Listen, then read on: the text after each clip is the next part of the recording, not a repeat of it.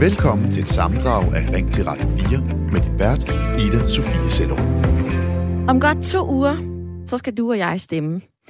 Vi skal tage stilling til, om Danmark fremover skal deltage i EU's forsvar, eller om vi skal bevare det EU-forsvarsforbehold, som vi har i dag. Omkring en tredjedel af danskerne er stadig i tvivl, hvad de skal stemme, og derfor så kan resultatet altså godt nå at tippe begge veje endnu. DR's politiske analytiker Jens Ringberg har sagt det sådan her.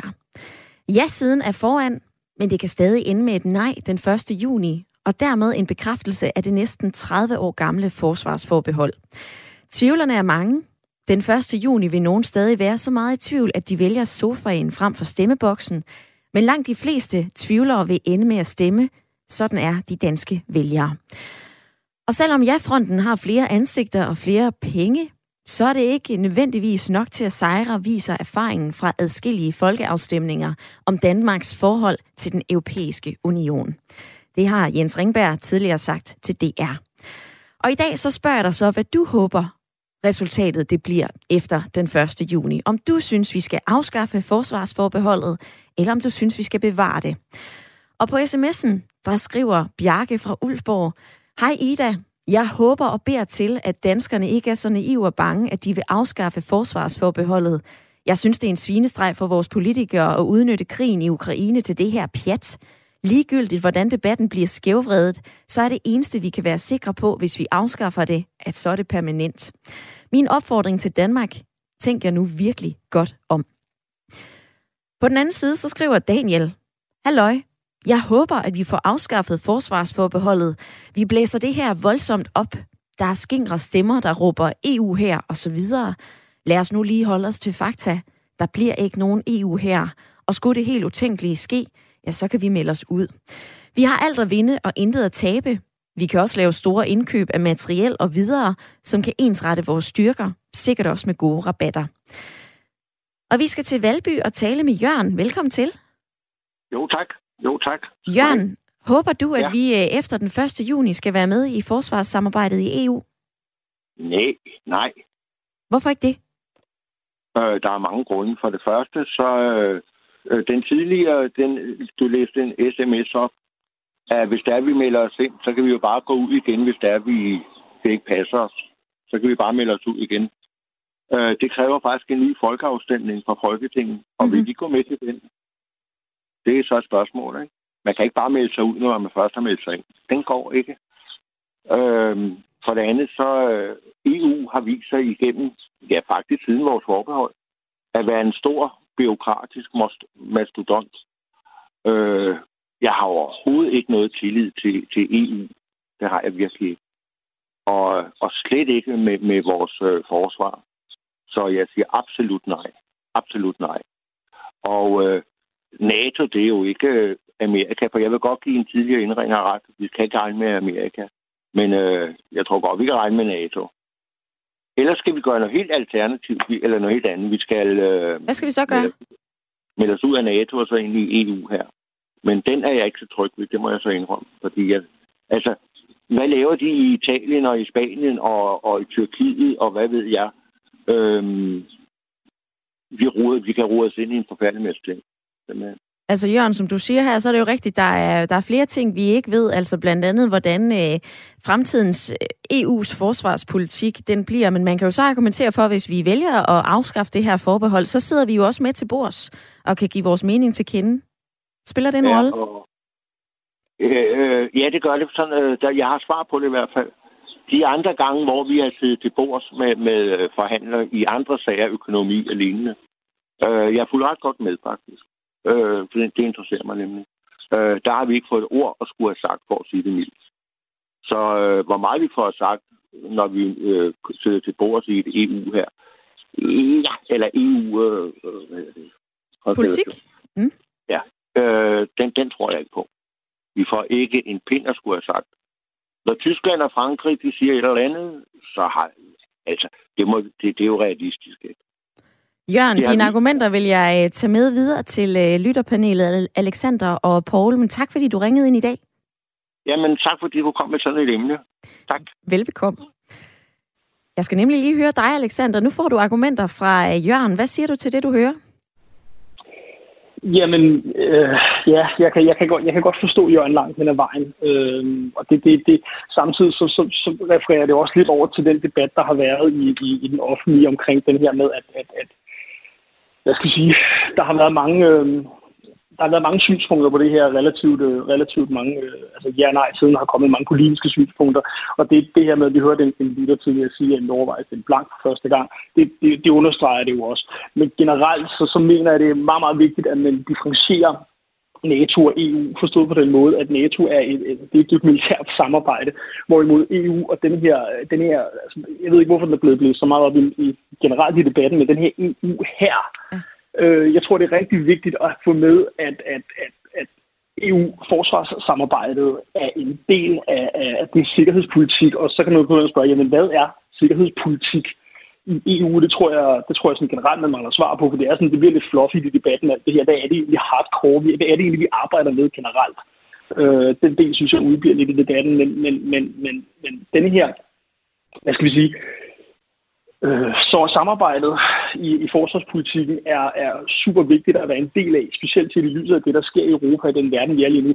Vi kan ikke være alene. Vi står, øh, vi står som en, en, en del af EU, øh, hvilket også fordrer, at selvfølgelig har vi NATO, vi betaler de der 1,2 procent i, i BNP, vi skal op på 2 procent generelt, ja. 33, men jeg mener ikke, at altså den, her, den her med, at vi kan melde os ud af NATO, det mener jeg absolut ikke øh, er en mulighed på nogen som helst måder. Øh, men jeg tror, vi skal differentiere EU her og EU forsvarspolitik som to forskellige ting. Øh, ja, generelt. Mm. Der er jo også nogen, der argumenterer for, at øh, EU, det var jo egentlig samhandel, frihandel. Mm. Det var, på, altså, det var på den måde, som, øh, som EU skulle knyttes tættere sammen. Altså, hænger samhandel og sikkerhedspolitik og forsvar sammen for dig? Nej, det, det gør det jo ikke, men, men som, øh, som Rasmus Brun Pedersen også så fint øh, billedligt sagde det, det her øh, øh, anskuer det som et helt ældre ægtepar, så var det jo omkring kongstanken med, med, med EF, EU, øh, den her del, at det var sammenhandling, det var økonomi, det var det her, øh, hvad skal vi sige, øh, den her øh, borgerting og fælles møntfund osv., osv., osv., der var en del af det. Men, men, men ligesom alle andre ægtepar for at blive den kontekst, så udvikler ting sig, man lærer sig måske også bedre øh, hinanden at kende på en eller anden måde, og så forandrer verden sig, man bliver ældre, øh, om jeg så må sige. Verden forandrer sig omkring, øh, omkring os, øh, og, og, og det, det tror jeg er en helt naturlig del af den, øh, af det, øh, den udvikling, der er i EU. Øh, men samtidig så skal man jo igen, nu kan jeg ikke være med at stå igen på den, den her EU her, kontra, jamen vi er jo stadigvæk nede på, på, på, på det her øh, sikkerhedspolitiske niveau. Og EU er byråkratisk, ja, det vil det altid være. Danmark er også byråkratisk, fordi vi er et demokratisk land generelt. Mm-hmm. Og for lige at supplere til det, du siger her, Alexander, altså det, øh, som jeg også har nævnt det før, det fremgår direkte af EU-traktaten, at den ikke giver mulighed for at etablere den her øh, EU her, som, øh, som mange, der taler for at bevare forbeholdet, altså argumenterer for. Øhm, men altså, for eksempel enhedslisten har jo lige været en tur igennem detektor, fordi at, at de sagde, prøv at høre, vi bliver måske tvunget til at, at opruste på den her måde. Det var ikke helt rigtigt, mm. men det kan skabe en forventning. Altså, det kan godt være, at vi ikke forpligter os, men det kan skabe en forventning til, at vi sender flere penge afsted, og vi stiller med militær. Hvad mener du om det? Jeg tror, det, jeg tror, det er vigtigt, at, at når vi snakker enhedslisten generelt, så har de jo lige været udtalt også, at man anbefaler ikke, at man melder sig ud af NATO, som det er lige nu, fordi der ikke er et alternativ. Øh, samtidig så øh, skal vi jo også holde fast ved, at vi kan til enhver tid gå ind og sige nej til at deltage i, i, i militære operationer øh, og, og så videre. Og, og vi har stadigvæk det, der hedder veto dernede. Den er ikke, vi ved jeg godt, at Frank der dernede var, var, var, var inde i omkring, at det skulle man afskaffe og så videre, men det er stadig kræve en traktatændring at gøre det. Øh, men generelt så, så, så, så, så, så skal vi sige 28 millioner i forhold til at være i det her, øh, så, altså det her samarbejde, det synes jeg er relativt dybt sluttet. Ja, altså øh, 26,6 millioner, det er det, som øh, Udenrigsministeriet anslår, at Danmark om året skal bruge på at øh, sidde til bords og være med i EU's forsvars- og sikkerhedspolitik. Det kan være, at du tænker, at det her det er stort og indviklet, men du behøver altså ikke at være professor for at være med i dagens debat. Du kan give mig din umiddelbare holdning. Du skal jo selv stemme den 1. juni. Hvis det nu var i morgen, hvad vil du så gøre? Skal Danmark være med i EU's militære indsatser? Skal vi droppe forsvarsforbeholdet? Eller skal vi ikke blandes ind i EU's militære operationer? Skal vi bevare forsvarsforbeholdet? Det kan også være, at øh, du som flere lyttere giver udtryk for, jeg aner ikke, hvad jeg skal stemme. Jeg overvejer altså at stemme blankt. Om du er afklaret eller uafklaret, det spiller ingen rolle. Tag din telefon og ring 72 30 44 44, eller send mig en sms. Det gør du ved at skrive ind til 1424.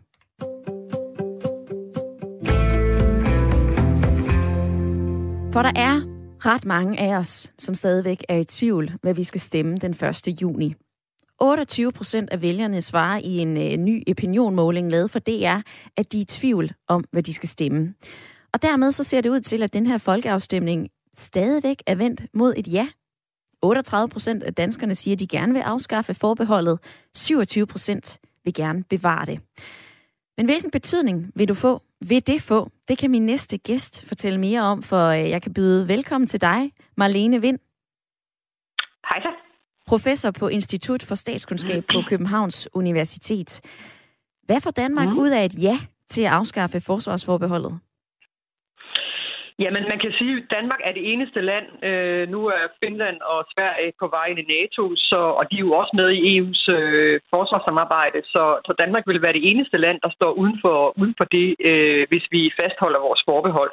Og hvad betyder det så? Jamen, det betyder, at, øh, at vi så ikke har mulighed for at være med til at påvirke udviklingen. Altså, vi kan jo sige her med efter Ukraine, øh, krigen, at øh, alt er sådan set forandret øh, i på, i Europa, og vi, vi står lige pludselig over for en meget, meget større trussel øh, med, øh, med, med Rusland, øh, hvor også Europa er nødt til at finde ud af, hvad vi vil, øh, hvordan vi bedst beskytter os selv.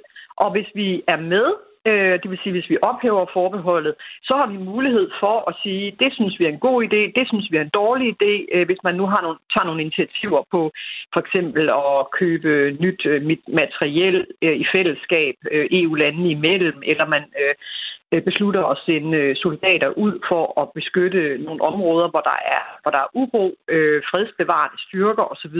Det har vi mulighed for. Vi har både mulighed for at sige ja øh, når vi sidder ved bordet, og sige nej. Og vi har sådan set også mulighed for at nedlægge veto mod, at de andre gør det. Øh, så, så der har vi altså nogle, nogle, nogle kort at spille med, som vi ikke vil have, hvis det er sådan, at vi øh, bevarer forbeholdet. Fordi hvis vi bevarer forbeholdet, så, øh, så er vi slet ikke med til at, til at beslutte øh, hverken, hvad vi skal hvad vi skal bruge vores penge på, hvad øh, EU skal gøre i fremtiden, og altså heller ikke, hvad de andre må gøre. Så, så det giver os nogle muligheder, noget indflydelse at være med, øhm, men, men det er det i, i, i essensen, som, øh, som vælgerne skal tage stilling til her 1. juni. Mm-hmm. Marlene Vind, jeg har jo også læst mig til, at øh, der er ting, vi kan, selvom vi øh, bevarer det her forsvarsforbehold. Altså, øh, blandt andet har øh, lytterne sikkert også lagt mærke til, at vi har jo sendt våben til Ukraine, indkøbt i fællesskab med de andre EU-lande. Det kunne lade sig gøre, fordi EU gjorde det igennem den her europæiske fredsfacilitet, som Danmark er med i. Øh, vi kan også deltage i alt, hvad der handler om forskning og industri. Vi kan også uddanne øh, politifolk i Irak og, øh, og opbygge retsvæsenet, som vi også gør i Kosovo. Kan det ikke tale for, at jamen, så kan vi vel stadigvæk spille en rolle, selvom vi stadig holder vores retsforbehold, forsvarsforbehold? Vi kan rigtig mange ting, det er fuldstændig rigtigt. Øh, og, og generelt set må man jo sige, at Danmark de sidste 20 år har været aktive i, øh, i krig alle mulige steder i verden. Faktisk har danskerne jo bakket op om det her, der hedder en aktivistisk udenrigspolitik, også øh, med NATO og, og FN. Så der har vi jo været meget ivrige for at sende soldater ud. Så det kan godt virke sådan lidt paradoxalt, at lige når det er EU-kasketten, som soldaterne har på, så, så er det pludselig et problem. Øh, men jo, vi kan mange ting. Øh, men man skal bare være, øh, være klar over, at, at, øh, at, at det handler også om, at vi øh, sender et signal til de andre om, at vi ikke rigtig tror på dem eller har tillid til dem, øh, og at vi sådan set øh, ikke opfatter øh, Europa, EU som, som, som noget, vi øh, vil, vil støtte op om i, i, i den her sammenhæng i hvert fald. Øh, så, så selvfølgelig kan vi godt øh, være med i mange ting, øh, men det her det handler altså også om fremtiden, øh, og det handler også om, øh, hvordan vi kan være med til med vores værdier, idealer, kan være med til at påvirke øh, hvad skal man sige, øh, hvor, hvor hele øh, EU's forsvarspolitik øh, bevæger sig hen af i fremtiden. Og så regner vi jo også med, at der kommer øh, hvad hedder det, fredsbevarende styrker, der måske skal sendes til både Balkan, øh, hvor, hvor det virkelig er en krudtønde nu igen, øh, efter, øh, efter der har været fred i, i, i, i lang tid siden øh, Jugoslavien gik i op, øh, opløsning. Og det er jo vores nærområde, må man sige. Ja. Øh, det vil vi, vi blive meget påvirket af, hvis der pludselig er en hel masse nye flygtninge, der kommer derfra. Så det kan vi bidrage til. Og så kunne man også forestille sig, at at for eksempel, når der bliver fred i Ukraine, at der så vil være et, et, et, et, øh, en, en, en forspørgsel til EU, om vi vil sende nogle øh, fredsbevarende styrker øh, til, øh, til Ukraine. Og, og der vil vi så også kunne være med, og det ville vi ikke kunne være med til, hvis vi, øh, hvis vi står udenfor. Mens vi to taler sammen, øh, Marlene Vind, så kan lytterne byde ind på øh, sms'en, og jeg har fået en her fra Anne Vibeke, jeg gerne vil forholde dig til. Hun skriver, jeg synes slet ikke, at Danmark er klar til at deltage i et europæisk forsvarssamarbejde. Danmarks forsvar og organisation deromkring flyder med rod, dårlig forvaltning, suspekte beslutninger, skeletter i kanonerne. Vi risikerer at blive trumlet ned af stærke, dulige og effektive landes interesser, og man nedlægger, man nedlægger altså ikke veto, hvis man sidder bagerst i klassen. Har hun en pointe i det? Nej, det synes jeg ikke. Øh, fordi det her med veto, det handler jo netop om, at hvad enten du er en stor dreng i klassen eller en lille dreng i klassen, så har du sådan set den samme indflydelse. Det synes jeg er, er noget af det unikke. Øh, så selvfølgelig gør vi det, hvis der er noget, vi ikke kan se os selv i. Og i øvrigt kan vi jo bare sige nej. Så hvis de andre vil noget, vi ikke har lyst til at være med i, så har vi til enhver tid, øh, også hvis vi stemmer øh, ja til at ophæve forbeholdet, så vil vi have mulighed for at, øh, at sige, at det har vi ikke lyst til at være med i, så vi bliver ikke trumlet af nogen overhovedet. Og så kan man jo også spørge sig selv om, øh, hvad er det, der gør øh, beslutningsprocessen så anderledes i EU end, end i NATO, som vi jo gerne vil være med i. Øh, og, og der synes jeg også, man skal overveje, øh, NATO er jo fantastisk og forhåbentlig øh, øh, til stede i Europa i mange, mange årtier endnu. Øh, men, men kan vi stole på, at øh, en ny Donald Trump i det hvide hus øh, vil, vil, vil være lige så villig til at, øh, at beskytte Europa, som Biden er? Øh, det er jo også noget, vi skal forholde os til. Og så står vi lige pludselig med flætningerne i postkassen, hvis Trump kommer tilbage i det hvide hus, og han siger, som han sagde i 2018, øh, ifølge hans sikkerhedsrådgiver i hvert fald, øh, at, at, at han sådan set synes, at USA skulle trække sig helt ud af NATO, så står vi lige pludselig der og har ikke øh, det, den beskyttelse, vi regnede med. Så det skal man jo også tænke ind. Altså man skal tænke lidt langsigtet. Hvor kan vi få indflydelse? Hvor kan vi være med til at præge tingene i en god retning, en bedre retning? Øh, og, øh, og hvad er det fremtiden vil bringe øh, i, i USA? Som vi øh, læner os utrolig meget opad. Så det er sådan set øh, et spørgsmål, som jeg ser det i hvert fald, som at gøre vores forsikring øh, bedre, end den er i dag. Ja, som jeg kan høre, så har du jo en del argumenter for, hvorfor det, hvorfor det kunne være en god idé, at vi afskaffer det her forsvarsforbehold, Marlene Vind. Hvis jeg skal tage mm. en anden kasket på, altså hvis vi siger ja, så overlader vi jo øh, det her til hver en tid til de siddende politikere i Danmark om at stemme ja eller nej til de enkelte missioner og opgaver. Vi ved jo heller ikke, hvad vi kommer til at stemme ja eller nej til, fordi vi kender ikke klubben endnu, som enhedslisten også har sagt. Altså er det her uvist? Øh, jamen, altså, det er jo, det er jo sådan, det, det ved jeg godt, det argument bruger øh, Dansk Folkeparti også, det her med, at øh, har vi tillid til politikerne, men altså, vi lever i et demokrati. Hvis man ikke har tillid til dem, man stemmer på, så, så er det godt nok slemt. Øhm, selvfølgelig vil der være en debat om, hvor, hvor skal Danmark være med og ikke. Øh, og der vil også være en offentlig debat om det, øh, og, og så vil vores politikere tage stilling til det. Øh, så, så det er jo i sidste ende et spørgsmål, om man har tillid til det repræsentative demokrati, eller man tror, at det direkte demokrati øh, er bedre. Øhm, øh, så, så det må man jo gøre op med sig selv, om, om man har tillid til det. Men jeg synes, det er lidt underligt i et gammelt demokrati som det danske, at man pludselig bruger det argument, at vi ikke har tillid til politikerne. Det burde vi have. Det har vi også, når de vedtager finansloven og sender øh, soldater ud med NATO, for eksempel øh, eller FN, der har vi jo også tillid til politikerne. Det har vi haft i, i, i øh, årtier og, og gjort med glæde. Så hvorfor skulle man ikke også have tillid til, at hvis der skal sendes øh, soldater til øh, Ukraine og hjælpe med øh, at bevare freden der på et tidspunkt, at det øh, også er noget, de kan finde ud af til stilling til. Marlene Vind, professor på Institut for Statskundskab på Københavns Universitet og EU-ekspert. Tak for din tid i dag. Selv tak.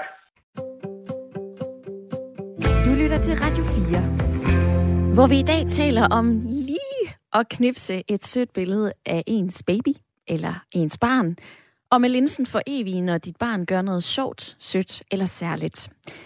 I gennemsnit så tager forældre over 1000 billeder af deres børn, inden børnene er fyldt 12 år, og mange af de her billeder og videoer, de ender på sociale medier. Og når nutidens børn og unge bliver voksne, så vil deres barndom være dokumenteret i tusindvis af billeder og videoer, der ligger online. Hvor fedt er det lige? Well, i en ny undersøgelse, som Børns Vilkår har lavet blandt godt 1100 respondenter på børnetelefonens hjemmeside, ja, så svarer 8 ud af 10 ja til, at deres forældre lægger billeder op af dem, uden at spørge om lov. En tredjedel af børnene siger, at de bliver irriteret og flove over delingen. 28 procent svarer, at de ikke føler sig respekteret. Det er altså kun 4 procent, der siger, at de er ligeglade med at blive delt på Facebook eller Instagram. Men på den anden side, så tager vi jo billeder og videoer og poster af kærlighed. Når konfirmanden er enormt smuk på billedet, som Torben fra Skive ringede ind og fortalte lige før nyhederne, fordi vi bobler over af stolthed. Det kan også være, at der er dans eller graduering i karateklubben, første skoledag, børnefødselsdag. Jeg kan også gribe til egen barm og sige, at jeg deler billeder af min nevø, fordi han simpelthen er så sød, at jeg har svært ved at lade være. Jeg har spurgt min søster, og hun siger ja, men øh, i går, da jeg diskuterede det her med min kæreste, så sagde han jo, det er jo egentlig dit eget egoistiske behov, Ida Sofie. Så bør vi lade være? Eller er det fint nok, at vi knipser billeder, så længe vi tænker os om? Lad mig høre fra dig i dagens debat. Billeddeling og videoer på sociale medier af dine børn eller andres børn. Er det helt fint at gøre, fordi vi gør det af kærlighed? Eller skal vi lade være? For ungerne kan jo ikke selv sige fra. Og så skriver Daniel den her, halløj, jeg bliver lidt provokeret over din udtalelse af at træne børn til den virkelighed, de er i. Du mener vel din virkelighed? Jeg håber, at kommende generationer bliver klogere og lever deres liv fysisk. Ikke bare tilbringer livet på sofaen ene og alene, i den tro, at de er sociale, fordi de er på Face, Twitter osv. Jeg er ikke personligt på sociale medier og deler naturligvis ikke billeder af mine børn eller andres, skriver Daniel. En anden, der heller ikke deler billeder af sine børnebørn eller børn på øh, sociale medier, det er dig, Jan. Du er i lytterpanelet i dag. Ja. Tidligere, Jan, der, øh, der talte vi med øh, Maja Sonne Damkær, som har forsket i sharing, altså når forældre de poster løs. Øhm, hvad gjorde indtryk på dig i det interview? Jamen, øh, jeg lægger mærke til, at hun taler om, at øh, at forældrene kan ikke lade være, og de er stolte over deres børn, og det kan man også godt forstå. Men jeg tænker tit på, at øh, ens børn synes jo tit og ofte, at forældrene de er pinlige. Og billeder, som bliver lagt ud, synes børnene også er pinlige, selvom de er øh, øh, lagt ud med kærlighed. Så hvis vi hele tiden vil opføre os pinligt, så, så synes jeg, vi skulle stoppe. Nu skal vi høre fra øh, en, der arbejder med IT, og som måske kan gøre os klogere på, hvad der egentlig er, der sker med de her billeder, når vi øh, lægger dem op. Lytteren David er nemlig med fra Haslev. Velkommen til. Ja, hej så. Du har ringet ind, fordi du mener, at vi faktisk ikke er bevidste om, hvor privat det er at dele billeder på Facebook. Prøv lige at forklare ja. os det. Jo, det er jo, at når du først lægger noget op, så kan det ikke slettes. Selvom du sletter det, så ligger det stadig bagved. Så, så hvad du lægger op, det bliver der på internettet. Og det er jo ikke kun de familie eller de venner, der ser billederne. Det er jo alle. Alle mennesker. Og det er jo, altså det øh, folk i dag desværre bliver det, man kalder for digital senil. Dement i dag. Ja, du kan, altså hvis, hvis du er heldig, så kan du få, øh, øh hvis du er privat øh, minded, så kan man sige, hvis du kan når du står op, lad være med at tænde din computer, lad være med at tænde dit fjernsyn, øh, lad være med at have din, din telefon tændt før en time efter, du har stået op. Så er du dygtig. Ja, hvorfor? Fordi at, at kroppen, øh, din hjerne, din krop, den skal have lov til at vågne, og jeg skal have lov til at være i sig selv. Vi er blevet for... Vi er, det, som der er sket i dag, øh, det er, at vi er blevet, øh, vi er blevet en ting, som IT'en øh, er afhængig af vi bliver afhængige af IT. Det er ikke, det er ikke os. Altså, vi skal vende det om. Det er os, der skal være... Det er, er IT'en, der skal være en ting, der er til gode for os. Mm-hmm. Og ikke os, der er til gode en ting for dem. For IT'en. Men David, jeg kan jo vente dig om at sige, du øh, arbejder jo med øh, IT. Det er jo også din levevej lige nu. Altså uanset om vi ved det eller ej, så har vi jo øh, en digital tilstedeværelse og sætter øh, digitale fodaftryk. Er det ikke bare sådan, det er? Øh, nej. Øh, det er et, et, et onde, øh, ja. Øh, men altså, det er jo, altså, IT er jo ikke, jeg er ikke imod IT, fordi IT er jo godt på mange måder. Rigtig godt. Det kan hjælpe os. Øh, men der er en skillevæg mellem at kunne hjælpe os og kunne øh, lukke os ned. Fordi at det, vi har brug for, det vi er mennesker. Vi er ikke robotter. Og vi skal ikke være robotter. Så kort her vi til er... sidst, David. Synes du, at vi skal holde snitterne fra offentliggøre knappen altid, når det ja. handler om billeder? Ja. Ordene fra Haslev. Du kan gøre ligesom David. Og i øvrigt, David, tusind tak, fordi du ringede ind. Ring ind på 72 30 44 44, eller send mig en sms. Skriv ind til 14 24. Leon, han har skrevet den her, jeg deler stort set ingenting, og slet ikke mine børn og vores ture og så videre. Hvorfor? Jo, fordi jeg ikke lider af mindre værd og andres anerkendelsesproblemer. I min verden så rager mit liv ikke andre. Dem, som er en del af mit liv, de ser mit liv. Og i dag så har man 1000 venner på Facebook. Og hallo, vi har nok nærmere 15 nære venner. Og så kan jeg lige informere dig om, prøv lige at overveje, Facebook blev til i 2004. Facebook er 18 år gammelt lige nu. Og i princippet så kan børn, der øh, blev født i 2004, have hele deres barndom dokumenteret på forældrenes Facebook-profil. Det kan være det i et øh, fotoalbum. Det kan også være, det ikke er det. Men jeg vil gerne høre, hvad du gør. Vi har hørt fra flere, som siger, ved du hvad, man skal holde snitterne fra offentliggør-knappen. Du har lige hørt fra øh, David, der arbejder i IT-branchen, der siger, prøv at vi aner slet ikke, hvad det egentlig er, vi lukker op for, og hvor privat det er, når vi deler et billede. Men samtidig så øh, hørte du jo tidligere fra Torben, 52 år fra Skive, som siger, jeg tror altså ikke rigtigt på de her problemer i fremtiden. Det er jo normalt, at der ligger billeder af alle derude. Så hvis man er stolt og tager et godt billede, for eksempel af sin konfirmand, så er det altså helt fint at lægge det på Facebook. Ring ind på 72 30 44 44, eller send mig en sms. Skriv ind til 14 24. Og nu skal vi til Vejle, for jeg kan sige uh, velkommen til, Maiken. Tak. Du har ringet ind med et uh, lidt andet perspektiv i dagens debat. Lad mig høre. Øh, ja, Jamen, altså, jeg tror, noget af det bliver måske lidt et øh, ekokammer i forhold til noget af det, som han siger, øh, ham med IT, øh, ja, hvad han nu hed. Øhm, for, ja, jeg synes, det er interessant, det her, han snakker om med, at øh, kan man sige, at vi egentlig ikke ved, hvor meget kontrol, altså vi har jo ikke kontrol over de sociale medier længere. Øhm, de har fået kontrol over os, og det kan man nemlig netop se i, i øh, netop også det billede, du tegner med, at de børn, der kom til i 2004, har eksponeret hele deres liv via de sociale medier. Det, jeg synes, der er tankevækkende, det er, når folk ringer ind og snakker om, hvordan at de har lyst til at, øh, at, øh, at lægge billeder op af deres børn, når de er stolte af dem. Øhm, og uden at tænke over, hvad konsekvensen kan være deri. Og jeg ved ikke, jeg kan ikke sidde her som en eller anden ekspert og sige, at der er de og de øh, øh, hvad det, konsekvenser. Men det, jeg kan tænke, det er, at der ligger et eller andet pres på de her børn. Når hver eneste gang forældrene lægger et billede op, så handler det om, jeg, jeg er stolt af dig der, og der ser du smuk ud. Og det hele tiden er de her øh, værdier, eller hvad man skal sige. Ikke? Også det er hele tiden det der billede, man vil tegne. Og så mange siger, vi vil jo ikke lægge et billede op af hverdagen. Hvorfor egentlig ikke? Det er vel der, vi bevæger os rundt. Det er vel det, der tegner det egentlige billede. En konfirmation, det er en gang i livet, du har det.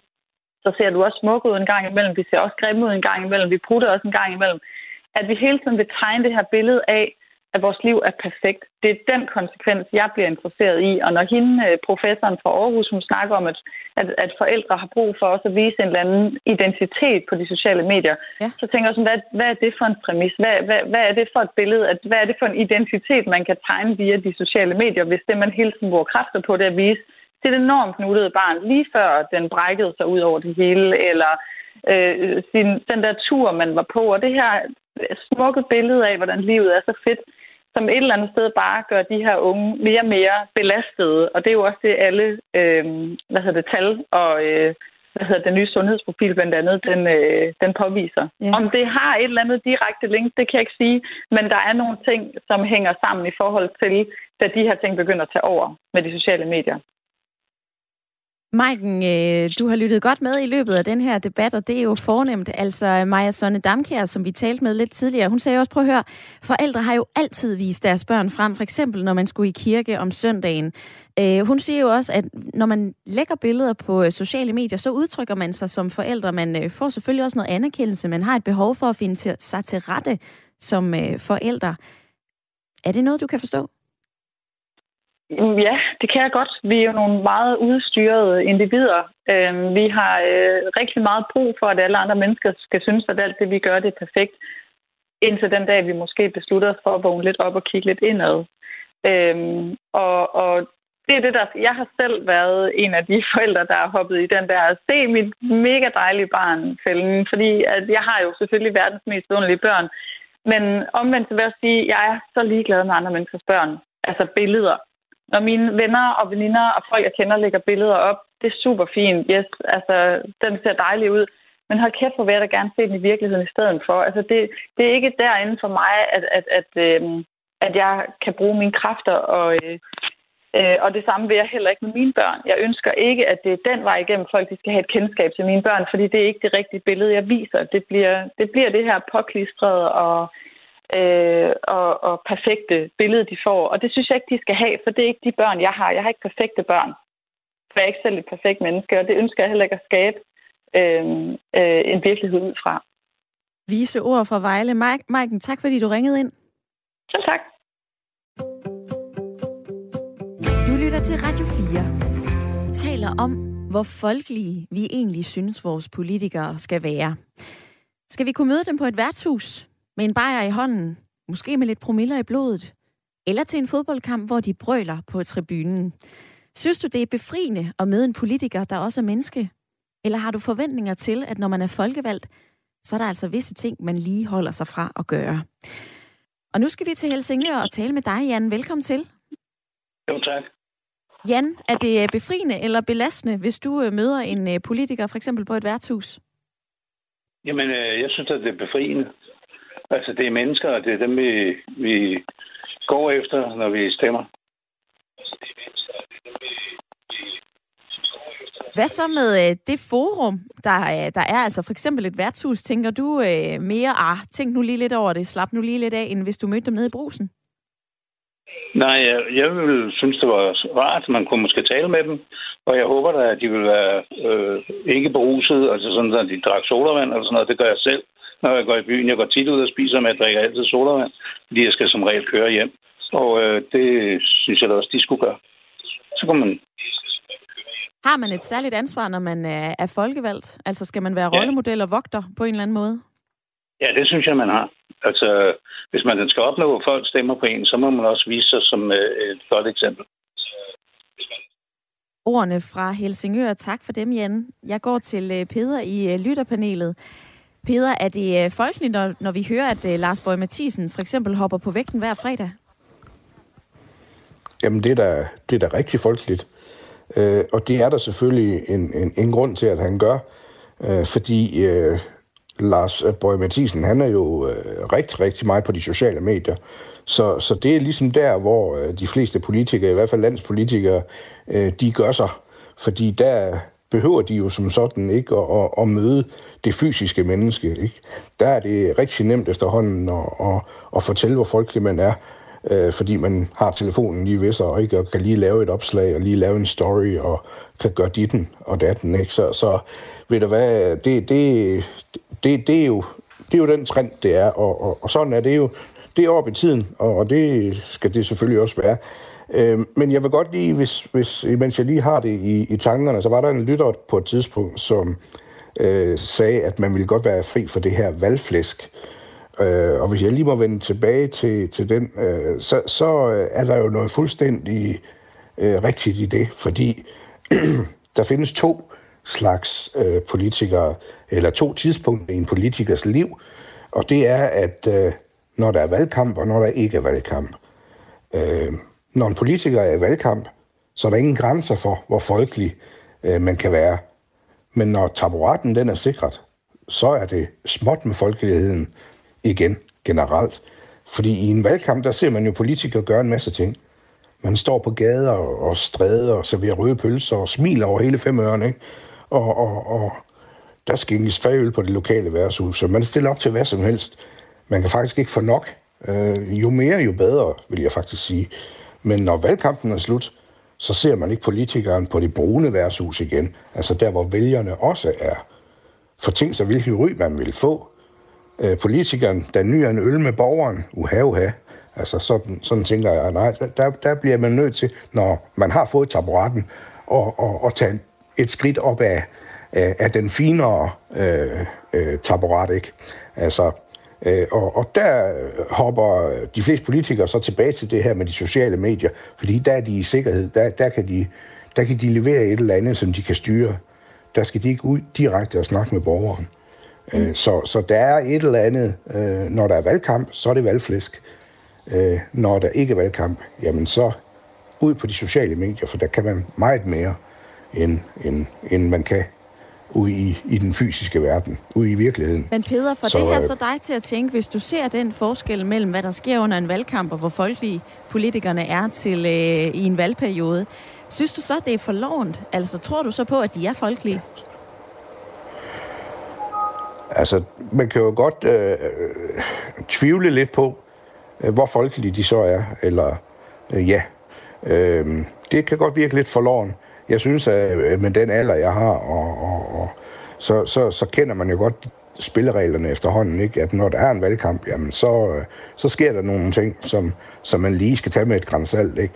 Øh, men, men når man så bagefter øh, overhovedet ikke ser de samme politikere for eksempel gå på et værtshus, øh, og, og, og, og jeg har altså stemt i, i mange år på øh, politikere, og, og har set dem i mange forskellige situationer i en valgkamp.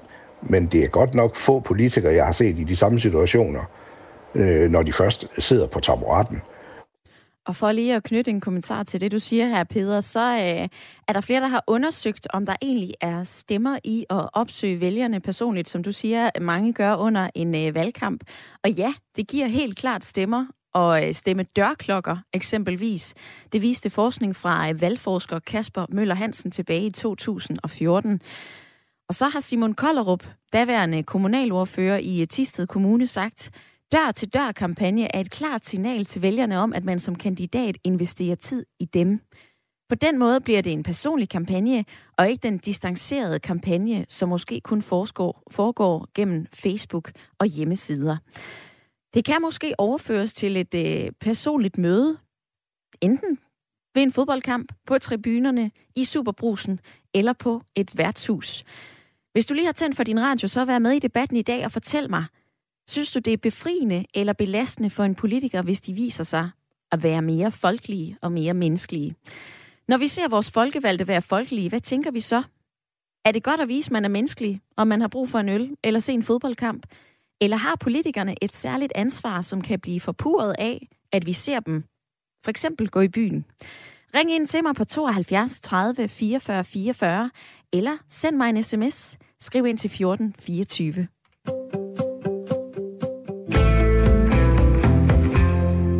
Kommunikation og image, det er noget, som man som politiker bruger meget tid og energi på. Og det kan jo både være det bevidste og det ubevidste. Og det skal vi tale lidt om nu, for jeg kan sige velkommen til Sander Andreas Svarts. Ja, goddag. Lektor ved Institut for Kommunikation og Humanistisk Videnskab på Roskilde Universitet. Og så har du øh, forsket i særlig politik og sociale medier. Først og fremmest, når nogen er folkevalgt, kan man så skille deres privatperson og deres offentlige person ad, eller smelter det sammen? Øhm, ja, altså det er jo lidt op til den enkelte politiker, kan man sige, at sætte de grænser, den person øh, har lyst til at sætte. Men, men altså omvendt vil jeg sige, at øh, hver gang en politiker agerer i en eller anden form for politisk rum, velvidende, at der er et, øh, et større publikum, så kan man ligesom forvente, at den her person agerer strategisk og dermed også politisk i en eller anden grad. Ikke? Og det vil så sige, at, øh, at der kan jo så være situationer, hvor vi, øh, hvor vi sætter den her person i en kontekst, der virker privat eller personligt. Det kunne for eksempel være via øh, en fjernsynsprogram, hvor man kommer hjem til politikerne eller eller og det virker som om personen jo er sig selv, øh, og du ved, personlig og så videre, og fortæller nogle, nogle øh, anekdotiske historier, der ikke har noget at gøre med, med politik, og, og i det her, den her situation er det selvfølgelig vigtigt at være opmærksom på, at det her det er ekstremt øh, strategisk og øh, med, med politisk sigte øh, i en eller anden grad. Ikke? Og derfor kan vi ikke skille, øh, de, oftest den politiker, vi ser, kan vi ikke skille skille ad fra det, det politiske og det, og det personlige eller private, for det, hænger, det vil hænge sammen, så snart den politiske øh, aktør får et større publikum. Så vil den person øh, være opmærksom på, at, øh, at der har konsekvenser, øh, positive og negative, ved deres ageren i, i de her forer. Ikke? Så når lytterne på sms'en siger, at politikere er jo også mennesker, så er der lige et lille en mente i det? Ja, altså politikerne øh, bliver jo nødt til at være opmærksomme på, at, at hvad de siger i, i, i forskellige rum kan have, kan have konsekvenser. Og så kan det jo så være heldig, at du, at du måske stod på en politiker i, i en eller anden setting, der er måske hvad ved jeg, til en familiefest eller eller andet, hvor man må formode, at, at, at stemningen kan blive sådan lidt mere afslappet. Ikke? Men, men en politiker vil være ekstremt øh, bevidst øh, hele tiden omkring, hvad, hvad de siger til hvem Øh, fordi der, der, der kan jo øh, selv i situationer, hvor der måske ikke gør, så kan de her ting jo slippe ud. Så, så en, en politiker vil, vil, vil, vil i, sit, i kraft af sit erhverv være ekstremt strategisk omkring, hvordan de præsenterer sig selv. Og der skal ikke et særligt stort publikum til, øh, før de, før de tænker sig meget grundigt om. Øh, øh, jeg tror, det, det, det er kun deres allerbedste venner. De, de, de kan være sådan helt... Øh, de, de, de kan slippe, hvad hedder det, sænke skuldrene helt med, ikke? Mm-hmm. Det eksempel, som vi har taget med i dag, det er jo blandt andet øh, Christina K. Hansen, borgmester i Holbæk Kommune, som efter tre år, øh, hvor hun ikke har været i byen, hun endelig siger, nu skal jeg altså ned og have en øl på et værtshus. Det fik hun positive tilkendegivelser for. Hvordan kan det påvirke os, hvis vi ser og møder vores politikere folkelige steder, altså eksempelvis i byen? Jamen, øh, jeg tror, at det er... er, er altså det, jeg tror, på nogle, punkter, på nogle punkter, så, så kan vi alle sammen være enige om, at, at, at det kan være lidt for meget nogle gange, men jeg tror også, at man skal, man skal huske, at det er vigtigt at uh, kunne forholde sig til politikere. Jeg tror, mange uh, folk forholder sig til politikere øhm, baseret på nogle, øh, no, nogle andre parametre nogle gange, end de, end de, end de sådan strengt øh, politiske. Og så tror jeg godt, man kan lide nogle gange, at man, kan, at man også kan mærke, at det her også er en, en, en person, som gør som dig og mig. Øh, og derfor så tror jeg, at det kan være rart nogle gange at opleve en, en anden side af politikeren end den meget strategiske, nøjeregnende og, og, og lidt mere øh, revndyrkede politisk tænkende øh, og også mærke, at den her person faktisk øh, også kan lide nogle, nogle ting, der, der går uden for det politiske rum. Øh, hvad ved jeg? Nogle, hvad en øh, mødeperson til en koncert eller, eller i bilen eller et eller andet. Øh, og det tror jeg minder os om, at de her politi- politikere ikke er en eller anden form for maskine eller robot, men det faktisk er nogle mennesker, øh, som har følelser øh, og, og, og, og, og normer og værdier og alt muligt andet, ligesom os, og ikke kun er interesseret i at vinde en valgkamp for alt, øh, øh men, men også har, har, har en, en personlig side og, og, nogle, og nogle værdier, de navigerer ud fra. Og noget af det, det forbinder sig måske til, til, til andre ting end, end, end det rent rendyrkede politiske. Så derfor så tror jeg, at det kan være meget positivt, øh, at politikere viser, at de, at de har en, at, at, at, at de også er øh, noget andet end, end, end, end strategiske tænkende øh, øh, arbejdende, øh, men, men også har en, en personlig side. Mm-hmm. Men vi ser jo også politikere, altså en ting er, når vi møder dem i dagligdagen, noget andet er, når vi ser det hele tiden på vores sociale medier. Altså øh, mange vil nok huske Mette Frederiksens øh, makralmad. Øh, vi har mm-hmm. også set øh, Astrid Krav spise flødeboller, og øh, Lars mm-hmm. Bøge Mathisen, han vejer sig hver fredag og hopper på badevægten. Nogen synes jo, det her det er enormt fedt, at man brander sig ja. på at være folkelig. Men andre siger jo også, at det her det er for loven folkelighed. Ja, altså jeg tror, jeg tror, det er meget vigtigt at se det som en balance, i stedet for at se det som en binær ting. Altså, du ved, hvor man ikke må være folkelig overhovedet, eller at man skal være, hvad skal man sige, øh, så folkelig, som man overhovedet kan. Altså, jeg tror, helt det her, det handler om en balance. I sidste ende, som jeg ser det, så er det, altså, det, så er det, det, det, det, er, det, er, det, det er borgerne, der bestemmer, hvor folkelig en politiker må og skal og bør være. Øh, for politikeren skal nok justere ind, når, når den person begynder at få dårlig øh, respons på den type af folkelighed, øh, som personen har. Så, så i sidste ende, så er det borgerne, der bestemmer, hvor grænsen går for, hvor folkelig man må være. Og jo mere folkelighed borgerne gerne vil have, jo mere folkelighed vil, vil, vil en politiker være tilbøjelig til at give, sådan sagt sat, sat lidt på spidsen. Øh, så så, så jeg, jeg tror ikke, at, øh, at der er noget øh, dårligt i at være folkelig. Jeg tror, jeg synes øh, tværtimod vil jeg sige, vil jeg sige det, det, det er nødvendigt at være folkelig. Ikke? Altså i sidste ende, så er det jo demokratisk at være folkelig i den forstand, at vi, øh, vi appellerer til de folk, som, vi, øh, som politikerne i sidste ende repræsenterer. Vi har jo et repræsentativt demokrati, og det betyder, at politikerne de skal repræsentere folket. Ikke? Og derfor skal de per definition være folkelige i en eller anden forstand.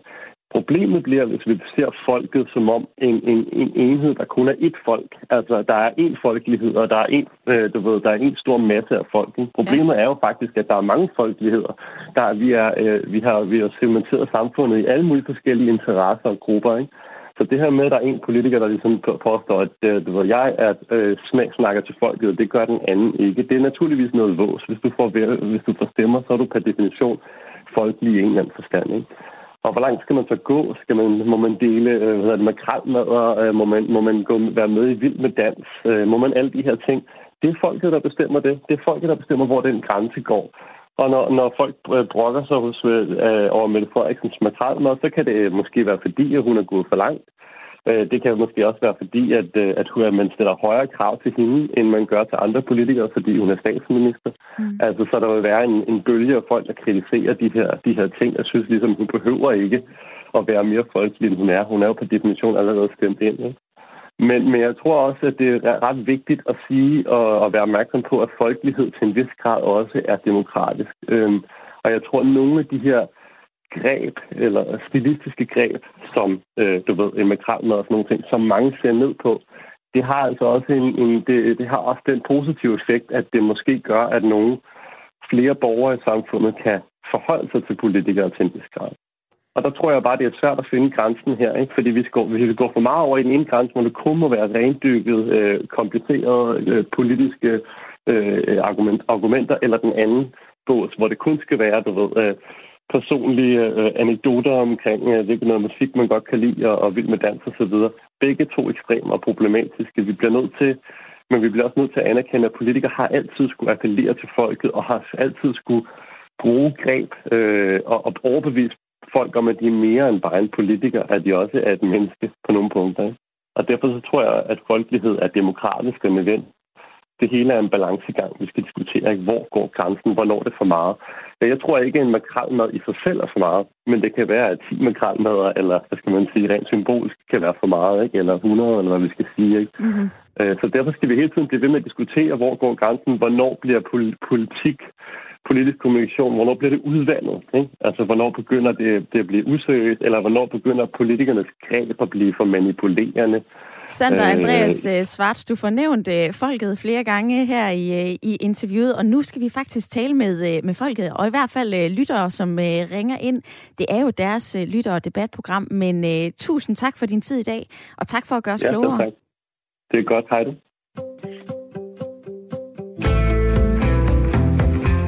Det var lektor ved Institut for Kommunikation og Humanistisk Videnskab på Roskilde Universitet. Og øh, sat lidt på spidsen, så sagde Sander Andreas Svarts, at det er op til folket at bestemme, hvor folkelige politikerne egentlig skal være. Politikerne, de retter ind. Hvad siger du til det? Du kan stadigvæk nå at være med i debatten. Ring ind på 72 30 44 44, eller send mig en sms. Skriv ind til 1424. Hvad siger du til det, du lige har hørt, Peter? Øhm, jamen, ja, altså, man kan sige i den forstand, at det er jo øh, folket, der, der, der, der beslutter, hvem der skal sidde i, i Folketinget, eller hvem der bliver valgt ind øh, på diverse poster. Så jo, så har folket jo øh, magten i forhold til, øh, hvor folkelig en politiker skal være. Øh, men om jeg synes, det er rigtigt? Øh, nej, det synes jeg ikke. Jeg synes, jeg synes det er fuldstændig forkert, at der er nogle andre, der skal styre, øh, hvordan vores politikere skal være. Altså politikere må jo selv styre det. Altså, der, jeg synes, der er en udbredt misforståelse omkring, at vi har et liv, vi kan spalte. Altså, man kan ikke spalte sig selv. Vi er et menneske, et liv, hvis jeg skulle citere Morten Albæks bog, som, som meget fint beskriver, at, at, at vi kan ikke spalte os selv. At vi, vi er den, vi er. Øh, jeg tror, at problemet, når jeg ser det på det, øh, så synes jeg, at, at, at når en politiker begynder at og måske poster meget, at de er folkelige, så er det måske netop fordi, at de måske ofte øh, bliver betragtet som ikke folkelige. Altså hvis man har brug for at vise noget meget, så er det måske fordi i, i realiteten, så er man det lidt. Øh, det, det plejer at være, være, være meget godt, øh, hvad hedder det, en meget god huskeregel. Øh, så så når, når Mette Frederiksen viser øh, makralmad frem, så er det måske fordi, at folk virkelig synes, hun ikke er folkelig. Og så har hun brug for at vise, at jeg er ligesom dig eller mig. Øh, og det er et problem. Øh, det er et problem, at vi har politikere og, og, og folk, øh, øh, de fleste af Folketinget er, ikke er, er ligesom repræsenterer folket. Vi har, har vi nogle læger, har vi nogle sygeplejersker, der sidder Folketinget, har vi nogle lærere. Det, det synes jeg er et problem. Det, det er, det, det er en, en, en elite, der sidder inde i Folketinget, som, som ikke har lavet andet i hele deres liv end at, at, at være bag øh, øh, øh, murene på borgen. Øh, og, og, og så kan man så spørge sig selv, repræsenterer de folket? Øh, det, er jo, det er jo så op til hver enkelt. Og der er der kul til en helt ny debat, Peter. Vi skal et smut til Hillerød, for jeg kan sige velkommen til dig, Hans. Goddag, tak. Hans, du har oplevet, at øh, politikerne er med, blevet mere folkelige i takt med sociale medier. Prøv lige at øh, uddybe det. Jamen, det, som det handler om for mig, det er, at øh, det er sådan, jeg opfatter det som det nye værtshus, for at bruge jeres udtryk, ikke? Altså, at øh, det er så der, hvor man sådan ligesom kan kreere sin virkelighed. Men der var også nogle andre ting i det her. Det var, at øh, som jeg forstår forskellen på før og nu, så havde man jo tidligere de professionelle medier, altså som radio og tv og aviser, ja. hvor de ligesom skulle, skulle slås for at komme til, kan man sige. Og der er Per Hækkerup jo nok en af dem, der har været ret god til at komme i avisen, altså tidligere. Og så en mand som Simon Spies, som ikke var politiker, han var også ret god til at tækkes medierne mm-hmm. dengang. Ja.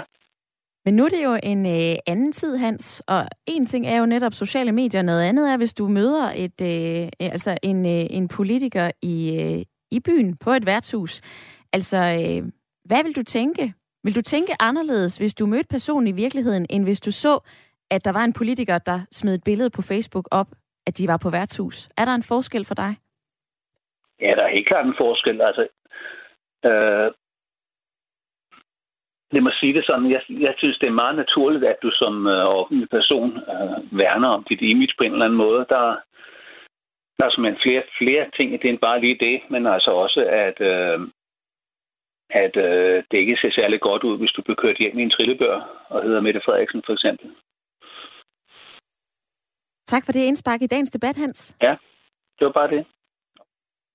På sms'en, der øh, skriver Annette fra Marie Lyst, det ville hverken være en befrielse eller en belastning at møde en politiker i det åbne sociale samfund, som vi alle er en del af. På den anden side må vi vel med rimelighed forvente en vis værdighed hos disse mennesker, som til daglig varetager vores interesser. Hvis man som politiker føler behov for at drikke ud over det rimelige, så bør det foregå i private sammenhænge. En anden lytter gør opmærksom på, at øh, Christina er en god og dygtig borgmester. Hun skal bare gå i byen. Hilsen Ulla, der bor i Holbæk. Og så skriver Kim, Lars Lykke er tit i Nyhavn, har jeg set, og ingen tager notits af det. Han nikker som hilsen og er som alle andre der for at nyde stemningen på kajen. Og så byder Arne ind med den her. Der er vel også politikere, som undgår byture, så de ikke konfronteres med vælgere, som mener, at valgløfterne er blevet brudt. Lad mig lige komme til IKAST og høre dig, Peder. Nu har du lyttet med i snart en times tid. Er der noget, som øh, du husker fra dagens debat? Jamen, øh, jeg synes jo, at øh, der er kommet rigtig øh, mange gode indspark øh, hele vejen rundt. Og øh, jeg synes også, øh, der er et eller andet i, i, i hvert øh, udsagn, der, der er kommet frem, at, at, at, at der er noget rigtigt i, i, i det. Grundlæggende vil jeg jo bare sige, at man som øh, politiker øh, bør være folkelig øh, ude i virkeligheden også. Det er man under en valgkamp, og det skal man også være, når man er blevet valgt ind. De sociale medier øh, kan vi ikke komme udenom, men de er nok bare blevet, øh, de er blevet for nemme øh, til at, at, at plaster sig til med, med folkelighed. Øh, jeg synes, politikerne skal gå ud i, i samfundet og snakke med borgerne, øh, og, og, og så øh, generelt bare øh, være sig selv, øh, og, og, og nyde en øl, og så selvfølgelig, som øh, der blev sagt lige før, Øh, øh, have det ansvar, som, som man nu skal have, fordi man er folkevalgt. Øh, og, og, og hvis man vil drikke sig fuld, så gør det i privaten og, og så videre, så man ikke skaber en eller anden øh, negativ øh, holdning til sin, sin, sin folkevalgte øh, byrådspolitiker for eksempel. Så jeg synes, man skal nyde det og, og gå ud og, og møde verden ude i virkeligheden som politiker og få en snak med, med, med vælgerne på en god og, og rimelig måde. Det var den ene, Peter, i øh, lytterpanelet. Hvad siger den anden? Jeg, jeg er meget enig i, i, i hvad det siger, og øh, jeg synes, det har været en god debat med, med nogle gode indlæg. Øh, og øh, ja, øh, det, der, der er jo selvfølgelig en del, øh, man, man, man kan tage op til refleksion. Øh, men, øh, men, men jeg, jeg synes også, at, at øh, politikere øh, skal have lov til at være lige så folkelige, som de har lyst til. Øh, og øh, med det mængde, af at der hører et ansvar med til hvilken som helst position øh, man har, øh, om det er privat eller offentlig. Øh, og øh, ja, så, øh, så synes jeg ikke, at det er noget problem. Tak til øh, Peder og Peter for at være med i øh, dagens lytterpanel, og tak til jer, som har bidraget til debatten, og tak til alle, der har været med i dag.